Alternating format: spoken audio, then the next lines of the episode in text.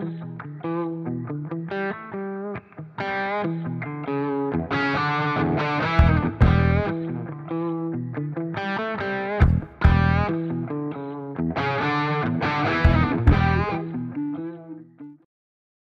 Witam, witam tutaj Karpiu Terra i witam Was, słuchajcie, w ostatnim odcinku tej serii Terracastu. Chodzi mi tutaj oczywiście o serię pod tytułem e, Podstawy hodowli mrówek. Jest to ostatni odcinek, który będzie zawierał e, w sobie e, porady i co słuchajcie, nie mam pojęcia dalej, jaki jest Wasz odbiór tego oto filmu, ponieważ o, Powiem Wam to na takiej zasadzie, że tą ostatnią część, czyli piątą, którą Wy ujrzycie 30 marca, ja nagrywam 2 e, marca, dokładnie pół godziny przed tym, jak ma wejść film z poidełkiem dla Niko Barensisów. Mam nadzieję, że ktoś ten film jeszcze e, pamięta, więc praktycznie można by powiedzieć, że miesiąc mi jeszcze został do opublikowania tego filmu, więc dalej nie wiem, jak przyjęliście e, Terracast, czy Wam się spodobał. Mam nadzieję oczywiście, że tak, bo roboty przy tym, no umówmy się, jednak trochę jest. I na przykładzie tego, co już e, zrobiłem, czyli te trzy odcinki, mogę Wam powiedzieć, że e, samo nagranie Terracastu zajmuje około półtorej godziny. Materiału do zmontowania jest e, tego z godzina. E, sam montaż e, na przykładzie e, chyba drugiego odcinka zajął mi około 4-5 godzin z krótkimi przerwami, więc naprawdę roboty przy tym jest mega dużo, ale o tym już słuchajcie mówiłem. Co się tyczy Terracastu w dalszym etapie jego działania, to e, nie wiem, czy za tydzień ujrzycie kolejny odcinek, bo tak jak wspominałem, nagrywam to miesiąc naprzód, więc jeśli po prostu pod tymi pierwszym, drugim oraz trzecim odcinkiem pisaliście dużo ciekawych tematów do poruszenia, no to siłą rzeczy Terracast będzie się pojawiał regularnie co wtorek.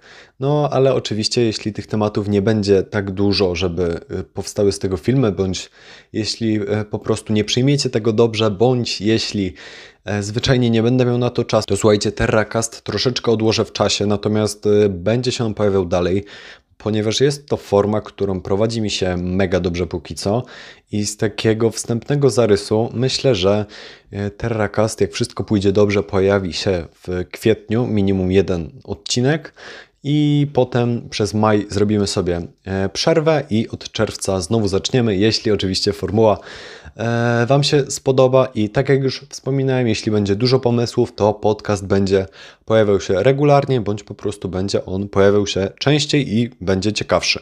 I oczywiście, jeśli mielibyście jakieś pomysły bądź ciekawe zagadnienia do Terracastu, zachęcam Was bardzo gorąco do pisania ich e, w komentarzach.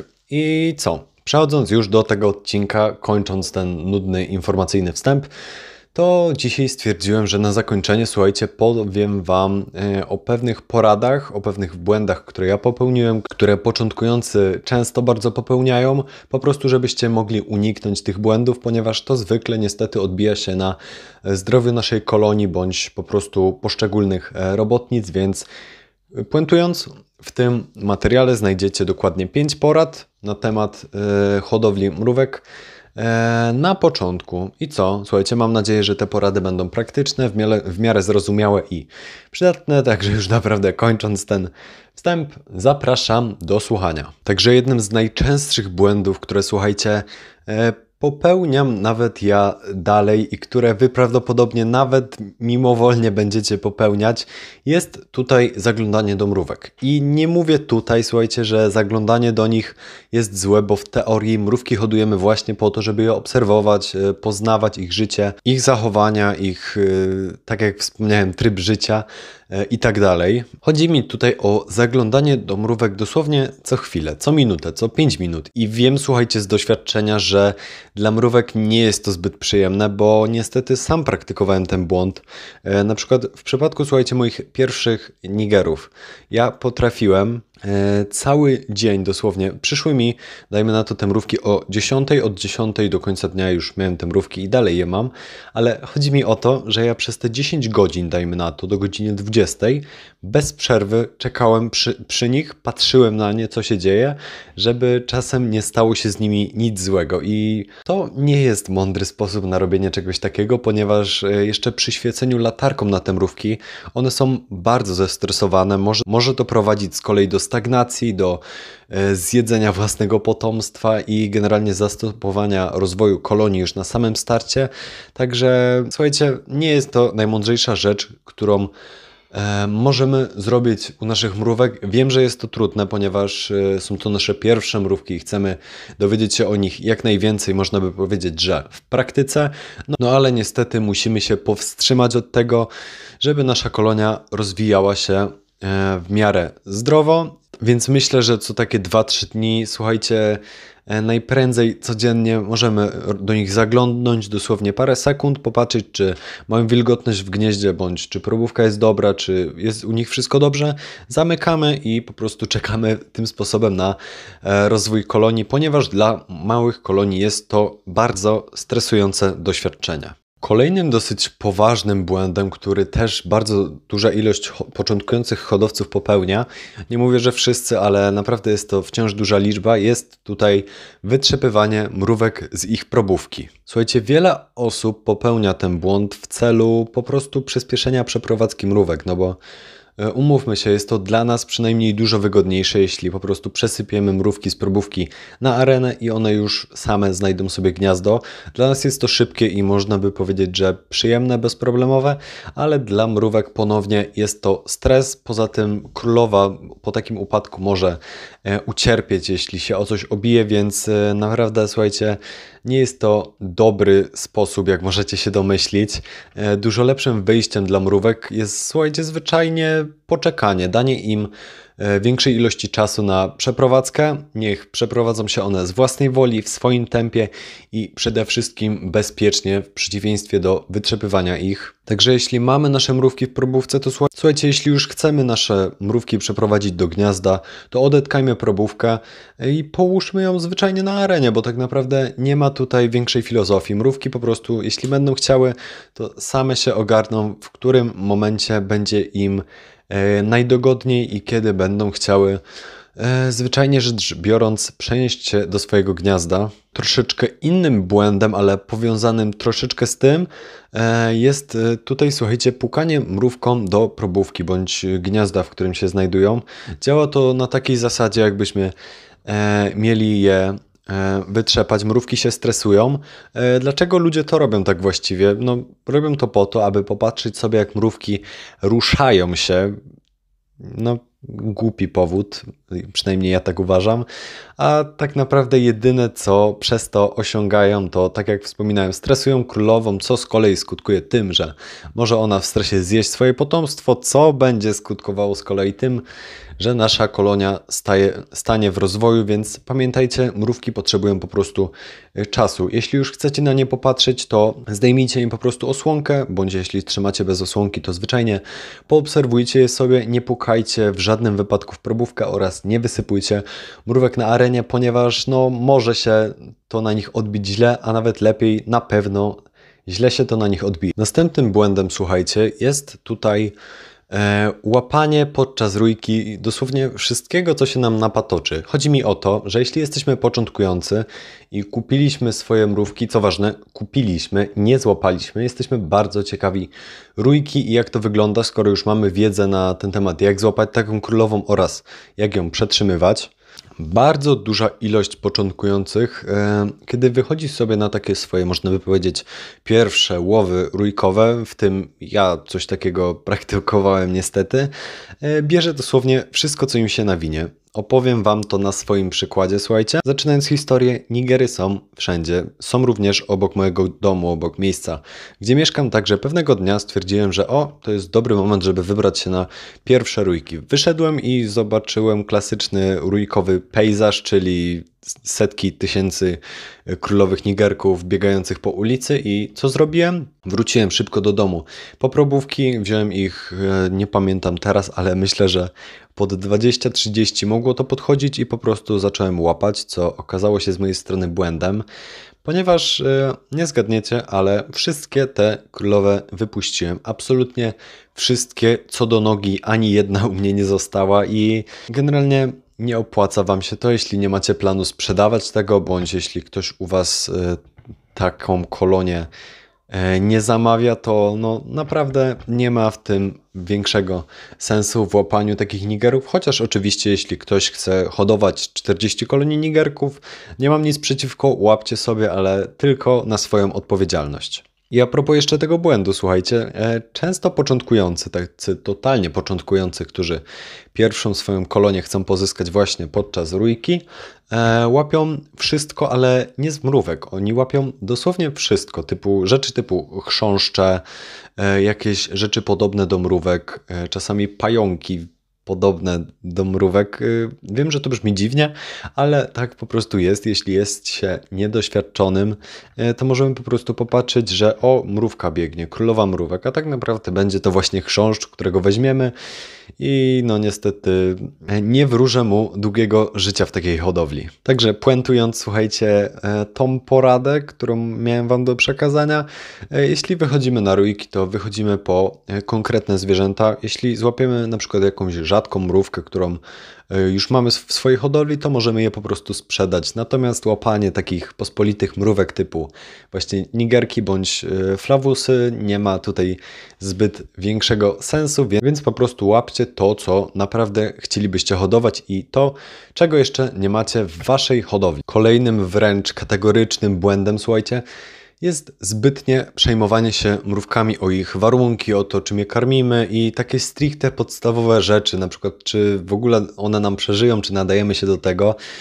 E, słuchajcie, w tym przypadku ponownie opowiem Wam, e, jak to wyglądało u mnie. A więc opowiadając historię od początku, słuchajcie, kiedy dwa lata temu zaczynałem moją przygodę z mrówkami, jakby kogoś to ciekawiło, to zaczynałem od nigerków, czyli dość klasycznie, a dokładniej od królowej oraz dwóch robotnic. Tak więc po kupieniu sobie swojej własnej kolonii, swojej pierwszej kolonii przepełnionej szczęściem, radością, dumą, tym, że w końcu mam swoją hodowlę i mogę się wciągnąć E, w ten świat. W swoim pokoju urządziłem im ich pierwszą arenę. Nie było to coś niezwykłego, mógłbym ją opisać po prostu piasek, kamienie i trochę kory. Naprawdę tymi trzema słowami można było opisać moją e, pierwszą e, arenę.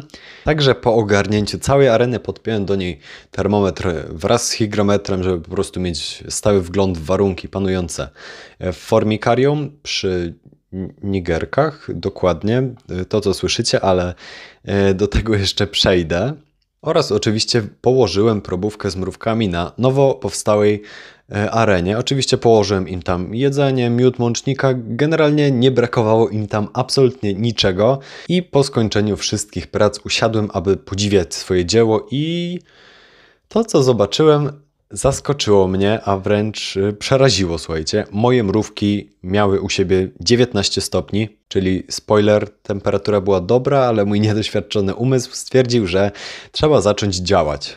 Także szybko wyciągnąłem telefon, napisałem do sprzedawcy, czy taka temperatura jest odpowiednia. Sprzedawca oczywiście no, bez jakichś większych emocji odpisał mi, że e, żebym się nie martwił, że ta temperatura jest jak najbardziej dla nich dobra, szczególnie, że mrówki kupowałem w marcu, więc temperatury na zewnątrz były jeszcze niskie, że nic im się złego nie stanie, że za jakiś czas po prostu temperatura wzrośnie, ale ja oczywiście nie uwierzyłem i bałem się, że stracę swoje pierwsze mrówki. Tak więc rozpoczęła się akcja dogrzewania grzewanie.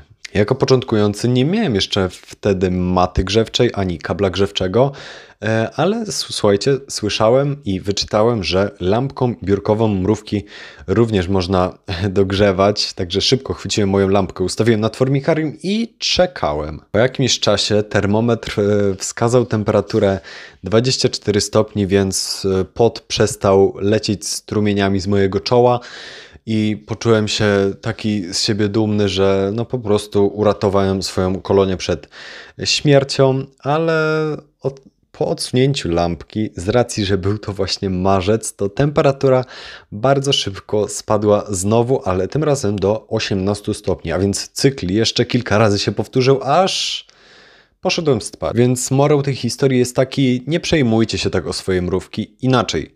Przejmujcie się nimi tylko na zdrowym poziomie. Kolejnym przykładem moim będzie już, słuchajcie, że to po pójściu spać ja nie mogłem zasnąć przez e, parę godzin. Po prostu siedziałem i patrzyłem centralnie w sufit i w mojej głowie zaczęły się rodzić pytania, czy to jest na pewno dla mnie, czy ja dam radę, czy nie zabiłem po prostu tych mrówek przez ich e, zakup, ale no tak naprawdę słuchajcie, ten cykl powtarzał się jeszcze przez kilka dni, aż w końcu on stopniowo odchodził, przestałem się aż tak martwić o nie.